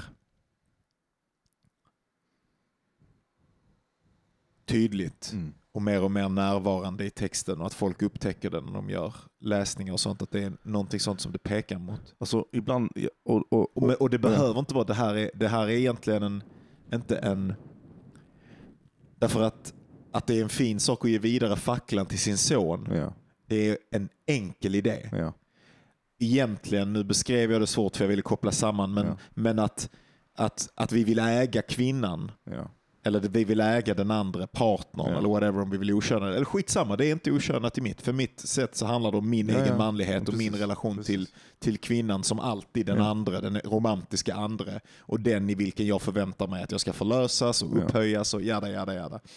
Ehm, att alla begrepp, eller eh, ja, det, det är egentligen också en, en enkel idé att, att alla begrepp som ligger utanför mm, hennes omedelbarhet, mm, och det här är ju sant för verkligheten också, gör att man inte kan vara där Mm. med det som faktiskt är. Liksom. Det är också lätt, men i den lätta idén så finns ju det absolut akut mänskliga Ja. om man lyckas göra det. ja, Om man lyckas hitta det. ja. Och det, är du menar att när det, det, när det kommer fram i texten så Ja. kan jag se det Ja, och därför tycker jag om det. ja. Och ja, ja, Och det är, inte, ja. det, är inte, det är egentligen inte eh, det är egentligen inte fråga om att det är en grej. Nu ska jag visa Aha, att folkmordet är nej, fel. nej, Utan nej, det, nej. det, det Jag är bara att hitta till det mänskliga Ja, i ja, dig ja. som är angeläget i det du vill säga. Ja, ja, liksom. ja. Alltså, Okej, så här. Jag får formulera om mig då. Jag, jag, jag, jag tror inte det måste vara enkelt. Men jag tror att när det är enkelt så... I mitt huvud, i min headspace. Vad är det du försöker säga? du ska, jag ska förklara. I min headcanon, liksom, i min headspace, så har jag den här idén om att det emotionella, det som känns som gör mig glad och det som gör mig arg och det som gör mig förbannad, att det för att kunna, det ska kunna antändas och kunna liksom triggas och sättas igång så måste det vara typ sammankopplat med eh, någonting som det kan kommunicera med. Och det det kan kommunicera med, och det här är så jävla, det låter så jävla luddigt, men det det kan kommunicera med, eh, ju lättare det är i sin essens, desto snabbare kan det antända eh, den, det känsliga. Det vill säga att en, en komplex intellektuell idé, den kan ha en emotionell vikt för mig. Den kan, ha, den kan skapa ilska och glädje. Men det kommer, vara längre tid att, det kommer ta längre tid för mig att få att bli antänd av det. Alltså min glädje, min sorg, min ledsenhet, min ilska, min whatever, alla känslor jag kan känna för att den ska kunna bli påverkad så explosivt som möjligt så måste den idén den kommunicerar med vara enkel. Och när den är enkel och jag blir antänd och jag vill liksom få ut de här känslorna, den kommunikationen som kommer ut ur mig, den explosiva kommunikationen som har kommit in för att jag ska kunna formulera och kunna eh, känna och tycka saker om den enkla idén. Den, när den uttrycks, uttrycks med en enkelhet också, som, där, som är det ni uppskattar. Så exempelvis när jag läser Night, Night tar jag upp varje jävla gång vi har den här podden, men Night skriven av en förintelseöverlevare som skrev en jättelång komplicerad bok om sitt hat för eh, tyskarna. Och hur arg han var. För att han, han efter han kom ut och överlevde förintelsen och spenderade sin, sin 20-årsålder i Israel och i Europa och försökte berätta för folk vad som hände i förintelsen så, så brydde sig folk inte. Och det var nog inte kommande sak under förintelsetiden efteråt. Att, att folk var liksom så här, lite så här, "Ah, vi vill inte snacka om det så mycket. Och den ilskan och den fucking förbannelsen av att, inte, att folk inte fattade. Han, han, han vrålade ut den ur sig själv i en bok på 700-800 sidor. Och i de 700-800 sidorna av ilska, det var bara rants, liksom, av bara av fucking all ilska han kunde få ut, alla beskrivningar av, av, av det vidrigaste han sett i sitt liv. Det kunde han senare ta efteråt när han var färdig och liksom bryta ner till sina minsta, minsta, minsta, minsta beståndsdelar. Som senare blev Night på 115 sidor. en enkel liksom bok om någonting som i grund och botten bottnades i en enkel idé och det var hat för de som har skadat mig. När jag till exempel pratar om att uh, man behöver den här känslan och den här eh, jag måste få någonting sagt-känslan. Det enda jag säger är att för att den ska kunna vara viktig för författaren, för mig när jag skriver, så måste den vara enkel så att jag kan känna det emotionella trycket att vilja få ut det. Och när jag väl kommunicerar det, om jag kommunicerar det på det sättet som jag, som jag vill kunna kommunicera det när jag skriver, då vill jag att den emotionella vikten ska vara lika enkel, det uttrycket ska vara lika enkelt i texten. Så idén måste inte vara enkel, det är bara lättare att, att bli arg över den och lättare att känna någonting över den. Och lättare för mig att känna fuck, jag vill bara liksom säga detta. Och, jag, och jag tror att, att um, The Road är lite så typ. Det är så här, oh, jag älskar min son jättemycket.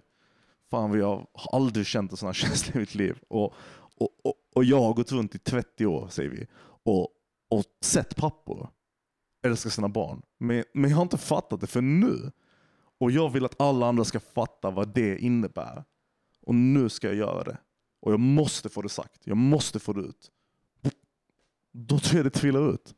Och såklart måste det vara en fantastisk bra författare också. Men det är, där, det är det jag känner. Det är det för mig som gör den boken till, till kraftfull och betydelsefull. Och andra böcker om bla bla bla som inte har den känslan. Hur välskrivna de än är och hur mycket jag kan uppskatta deras liksom, sättet de är skrivna på bara bär inte den här emotionella vikten som The Road hade för mig när jag läste den exempelvis, eller Night eller whatever, som har samma känsla. typ. Fatt, make jag någon form of sense här? Ja. Eller? Så vad försöker du säga? I, I boken eller nyss nu? Nej, i boken. Ja, men vad det, handlar ditt författarskap om? då? det är där krisen ligger. ju. Det är där, det är där man kunde svara på den frågan. Så hade jag varit inte här, Ungefär. för jag inte varit här just nu. Du vet, det har varit många saker. Det, det har varit som jag pratade om i förra Det har varit många saker för mig också. Ja, ja och, det, och det är det man söker konstant efter. Men en gång i tiden så har det varit, eh, någonting, det har varit någonting med min pappa. Någonting med honom som jag ville ha ut. Och då var det också som i The Road en berättelse om en pappa och en relation med en familjemedlem. Och den här relationen skulle, skulle liksom bara utvecklas så mycket som möjligt. Men sen också, så på sistone har det, på, har det förändrats för att jag liksom har tyckt att det har varit så jävla typ bult. Alltså så här, ugh, fucking pappaångest. Vem fan bryr sig? Alltså, alla har något sånt, fattar du? Och, och vad, vad, vad gör min så jävla unik? Men, men, och jag tror fortfarande jag ska utforska den en dag. Men den har liksom försvunnit ut ur den här sfären av saker som måste få sagt. Och nu är det någonting med, med allt det här orättvisa med att inte må bra. Just det. Där ligger det. Typ, där ligger det och skvalpar just nu. Det är så här, varför måste jag ha, varför har jag fått slösa så mycket fucking tid på att må piss Mhm. när andra människor inte har? Mhm. Eller va- varför får andra människor göra det men inte andra? Det behöver inte vara jag exempelvis. Men bara den orättvisan. Den känner jag en passion för och en ilska för. Mhm. Som jag vill liksom exemplifiera i en berättelse. Och vad har du hittat så långt? Alltså det, det är mer snarare metodiken än berättelsen i sig. Och metodiken är eh, En berätt- form? ja, precis. Att, att prata om eh, det orättvisa i andra människor, inte mitt eget psyke. Alltså, det vill säga att det, huvud, det, inte, det ska inte handla om huvudkaraktärens eh, lidande och huvudkaraktärens liksom ehm, Och du har en huvudkaraktär som är psykolog eller något sånt där va? Någon slags läkare? Det, har ändrats. Den senaste tiden jag skrev så, så har jag utforskat, för jag har alltid varit fascinerad av liksom, vad jobbar ens huvudkaraktär med?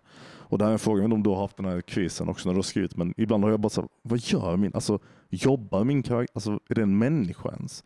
Och då, Jag skriver inte den sortens nej, berättelse. nej, precis. Men jag har hamnat i en situation där jag var så här, fan, fan vad, vad kan vara lämpligt? Liksom. Då, då någon gång kom jag fram till att jag gillar den här idén av en, av en lögnare och en person som låtsas. Um, och där så kom den här idén av en, av en psykolog som inte riktigt är en psykolog, men som vill verkligen verka som en. Som liksom utnyttjar och ljuger och hittar på så här olika um, metodiker som ska hjälpa folk. Inte som en kultledare fast utan kulten. Utan bara den karaktären av en person som bara så här, har en tendens att kunna säga men det här är ett sätt att hantera o- men, men, alltså, psykisk ohälsa på som bara är skitsnack.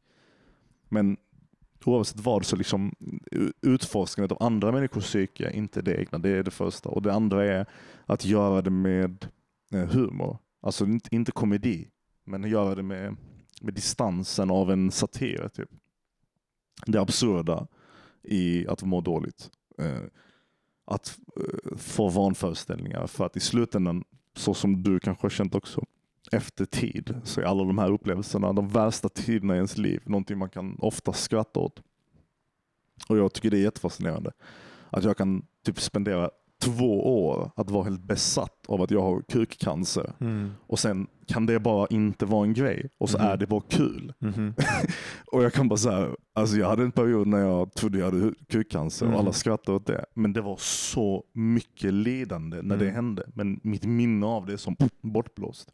Och, och det, det är så kul, den idén, att tänka att det värsta du kan ha kan också vara typ helt fucking absurt. Och när du läser om det så tycker jag det är det det ska ha.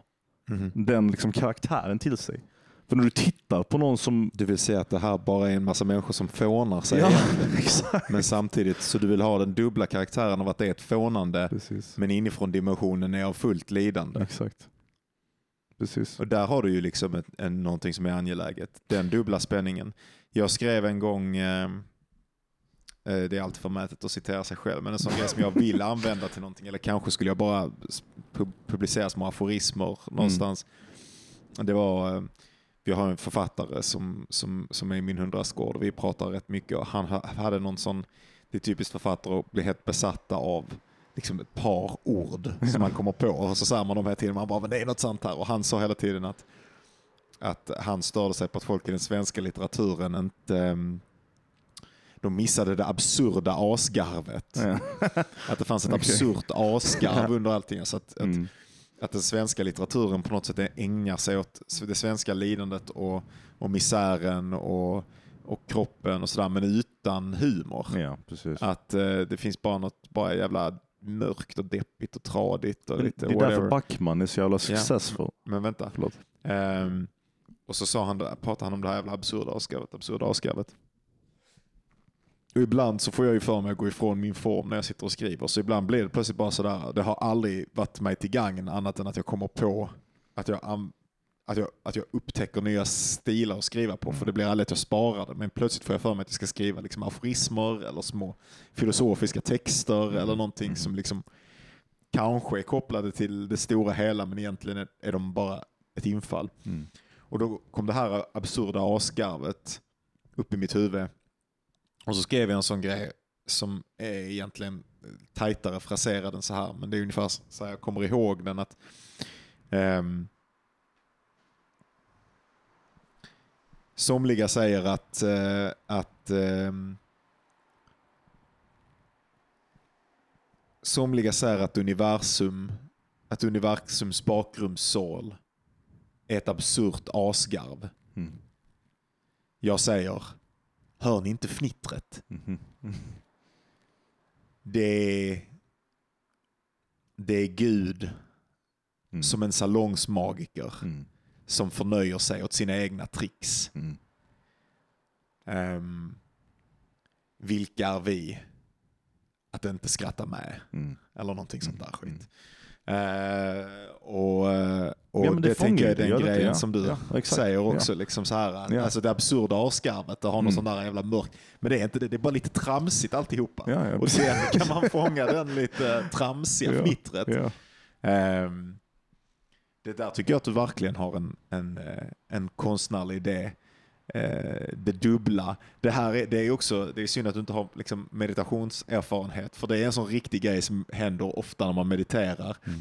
Att man, jag känner ofta när man, att man, man är där med någonting och man, åh det är min smärta, den fuck, det, det är den här grejen som jag brytt mig om. eh, Och sen plötsligt är det som att man bara ser en sån switch Ja. och, och man bara börjar garva. Ja. Och man bara, ah, vad är detta? Ja, Går jag exakt. runt och oroar mig för den här jävla skiten? Och man får liksom den flippen på Ja, ja. studs. Men, men, men jag har länge sagt att alltså, för mig, Skrattet bubblar upp, Ja, fnittret alltså, bubblar ut. för, Ja. för mig så är ång, alltså, ångest är meditativt för mig mycket. på det sämsta visst. sättet möjligt för att det, det är där jag spenderar som mest tid typ i min egen värld och min Ja. egen fantasi och där jag försöker liksom begrunda och fundera på varför saker är som de är. Och, Det är och inte meditativt. Nej, okej, men, men Det är motsatsen. ja, men oh, okej, fine, fair enough. Fair enough. Jag vet inte vad jag säger. Jag vet. Kontemplativt Det är kanske. kontemplativt, okej. Men oavsett vad, kanske någon meditativ uh, grej i det. För att poängen i alla fall att slutsatsen oftast är att jag kommer fram till liknande saker som du har beskrivit och du har sett i din Mm. meditationsupplevelse i den. Och även om Mm. det är för att man då sitter med samma fucking upprepande piss i sitt mörk i sitt huvud som bara Mm. snurrar runt eller vad som händer. Okej, kontemplation, whatever. Men om man är Eh. så länge man är fokuserad så sker det ju någon sorts Fokuserad, meditation, då är väl liksom. någonting, någonting händer ju igen i mig när jag sitter och funderar på om jag är Mm. kukans i åtta månader. Mhm. Och, och då händer det exakt så det du beskrivit. Att, och, och det är också en av känslorna jag har fått som jag vill fånga i boken. Exakt det du beskrivit. Den här idén av att bara helt plötsligt skratta åt absurditeten Ja. i det man har hittat på. Samtidigt som man känner, det är väl där kan skillnaden ligger. För att min ångest slutar inte när jag skrattar. Det är inte så att jag, men det har hänt att jag så här suttit med min mamma och jag kommer ihåg, alltså det här var det värsta. Jag hade någon sån grej några år sedan när jag när jag hade det här med, jag hade någon slags tandfobi, jag hade extra tänder i munnen, whatever. Och jag blev helt fucking besatt i 8-9 månader över detta. Jag satt och jag var som, jag var som jävla, vet du det, Cronenberg-film. Liksom. Jag satt och stirrade i min mun framför spegeln och blod överallt för jag hade petat med tandpetare och försökte få ut saker som inte var där. Och, ja, det var helt Ja. sjukt. Alltså jag, var, jag kunde fånga mig själv i spegeln ibland. Du vet, så här, det är som att man typ blackar ut och så helt plötsligt står man framför spegeln och så har man, har man kranen på och ens flickvän sitter och kollar på tv bredvid och ingen vet att man är på toa och gör detta. Det är superhemligt. Alltså, Ja. och ser kranen på så ser man sig själv i spegeln med, med eh, liksom, saker intryckta i munnen och tandpetare och som sticker ut och sådana saker. Och Ja. fastnar där och blod rinner vid din kind och du bara, vad gör jag? Och, och, och hur som helst, efter allt detta så fick jag reda på att jag skulle ha en, få en liten operation för att Eh, få bort de här tänderna. Eh, de här extra tänderna. Och mm, jag kommer ihåg att jag satt och funderade på den operationen skitlänge och den var ju, jag var ju livrädd för den. Och så fattade jag, och jag har nog sagt det till tidigare, men jag hade en ögonblick där jag förstod att det är som, du vet när man föreställer sig fram i tiden att någonting ska hända. Man föreställer sig oftast det som en bild eller en idé av att ja, men det här kommer hända snart. Det var som jag kunde föreställa mig varje sekund av allting som skulle hända fram till operationsdatumet. Men själva operationsdatumet var svart. Det var bara alltså svart. Min hjärna bara kunde inte föreställa sig något som hände efter det.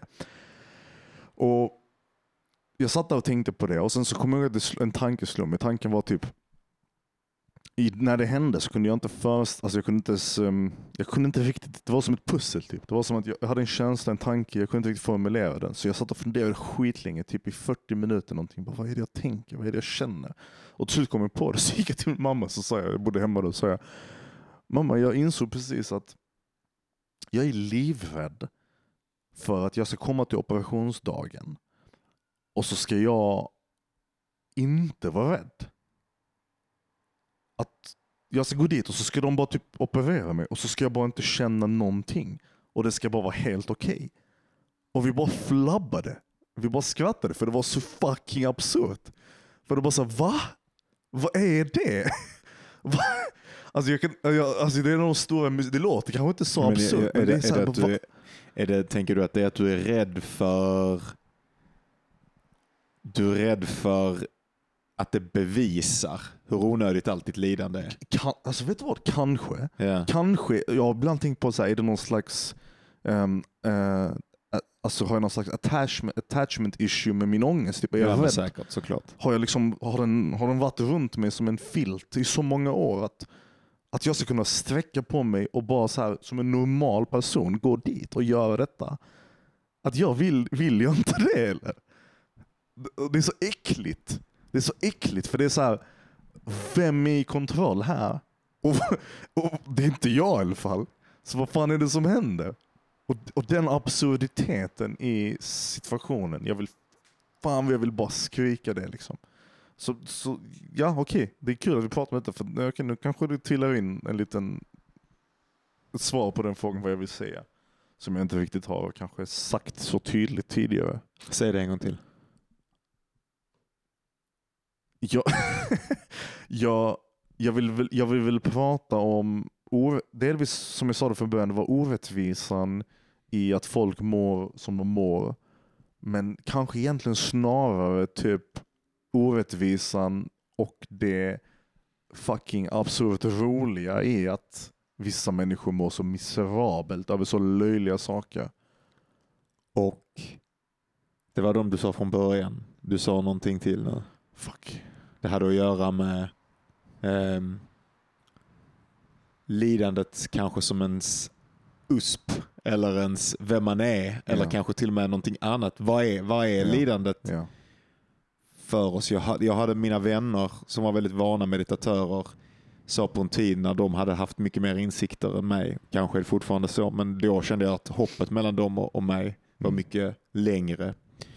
De sa alltid att, att den första viktiga insikten man måste ha det är att man lider därför att man vill det. Mm. Och jag bara fattar aldrig den grejen. Och sen har jag försökt säga den till folk och alla blev lika förolämpade. för ingen, ingen, Nej, men för i, i, det är det jag alla menar tycker med att det är absurt, ja, ja. flummigt eh, bleb. Alltså att Nej. det inte betyder någonting. Typ. Men, men ser du, man, man fattar det när man Ja. skrattar åt det, för Ja. att då ser man det. Ja, precis. Och det är den meditativa insikten i Ja. ångesten, för man bara, aha, Det här är ju allt jag är. precis, precis, precis. Och, och, och, ja, och, ja, det är helt absurt ja. Bara de här reaktionerna, bara det här sättet. Det finns ju annars ingenting kvar. Nej. Och det är ju det mest eh, skräckinjagande av allt. Där har du ju din fråga. De tre, de tre sakerna och den, den, eh, den ytan som de tre sakerna triangulerar. Mm. En gång till nu. Det är svårt, det det är absurda. skitsvårt. Det absurda Det i, absurda. i att, eh, eh, eller det orättvisa, att Orättvisan, med vissa exakt. människor Exakt. går under och har ångest. Och andra, eh, eller den, den typen av smärta och andra Ja, människor ja. eventuellt inte har det. ja. Och sen efter orättvisan, Absurditeten. det. absurditeten, det, Precis. det, det som är roligt Exakt, med det. Hur exakt. fånigt, Exakt. fånig psykisk ohälsa är på någon vänster. Precis. Precis. När man väl kommer utanför det.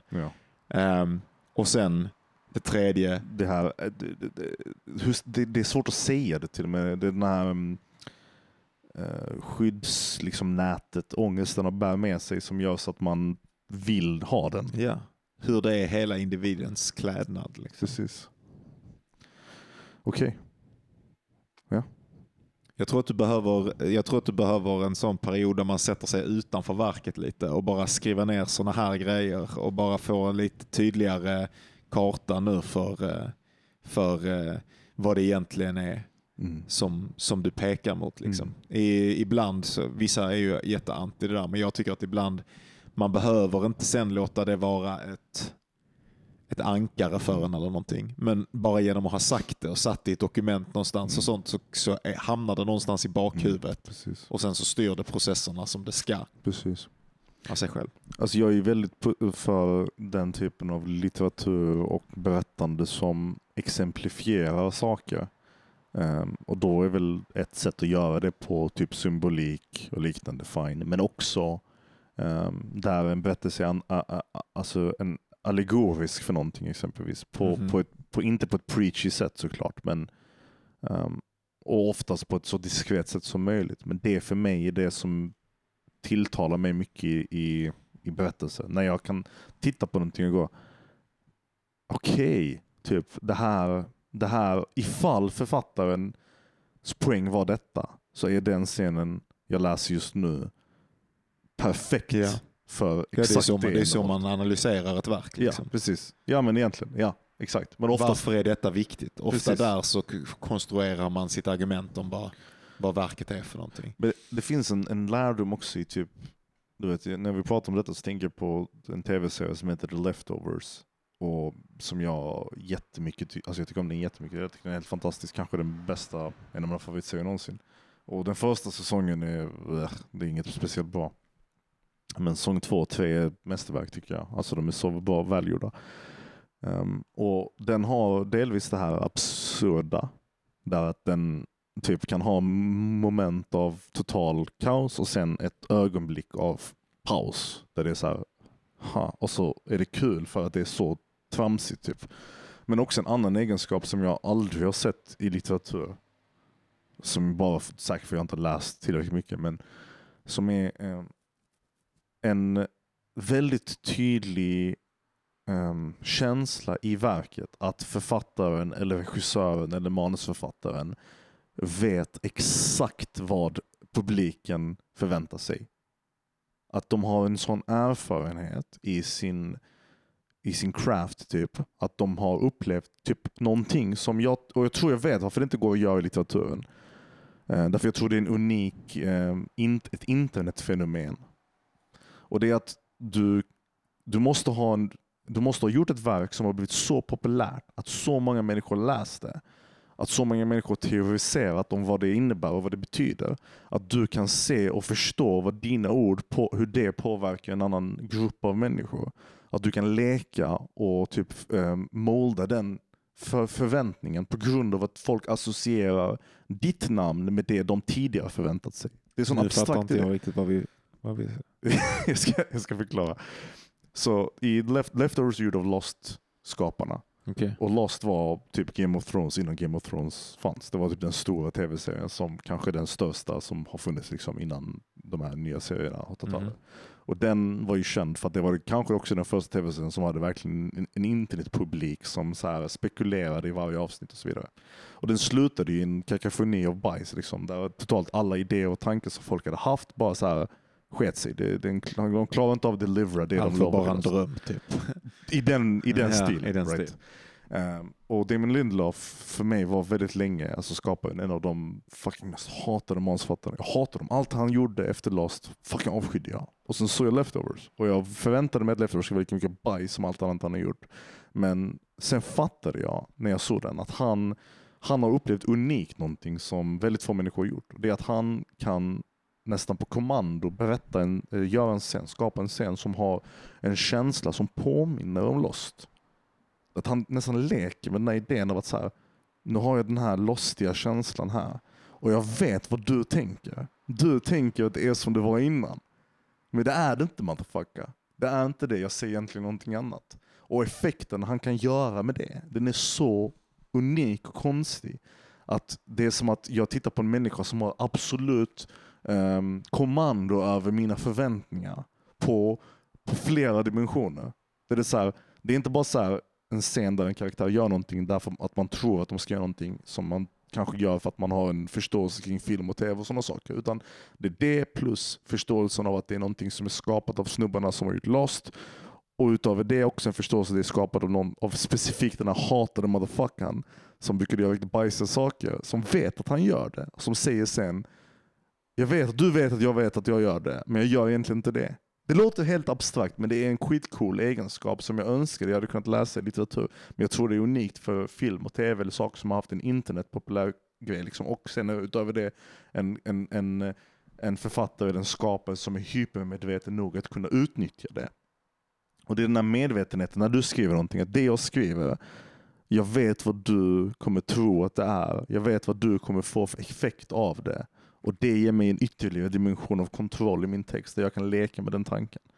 Och det är skitsvårt att göra litteratur såklart för att det är en mycket mer fantasifull eh, medium än, eh, än tv eller film. Whatever. Det är text som kan tolkas och förstås på massa olika sätt men som hade bara varit intressant att leka med. Liksom. Det var en lång utläggning av någonting som var helt meningslöst men jag ville bara säga det. Och jag ångrar inte mig. jag ångrar inte mig någonstans. Det tycker jag inte du behöver. Är det, är det läge att sätta punkt? ja det är det, men vi pratade aldrig om våra tjocka kroppar. Det är väl det vi får prata om nästa gång. Ja, precis. Det kanske är det vi får prata om nästa gång. Det var länge sedan vi hade en kropps, äh, kroppsavsnitt. Ja. Okej. Tack så mycket Johan och tack för att du hjälpte mig hitta lite till eh, vad jag ville skriva om. Fan vad roligt. Ja. Tack så mycket för att ni lyssnar. Hejdå. Hej då!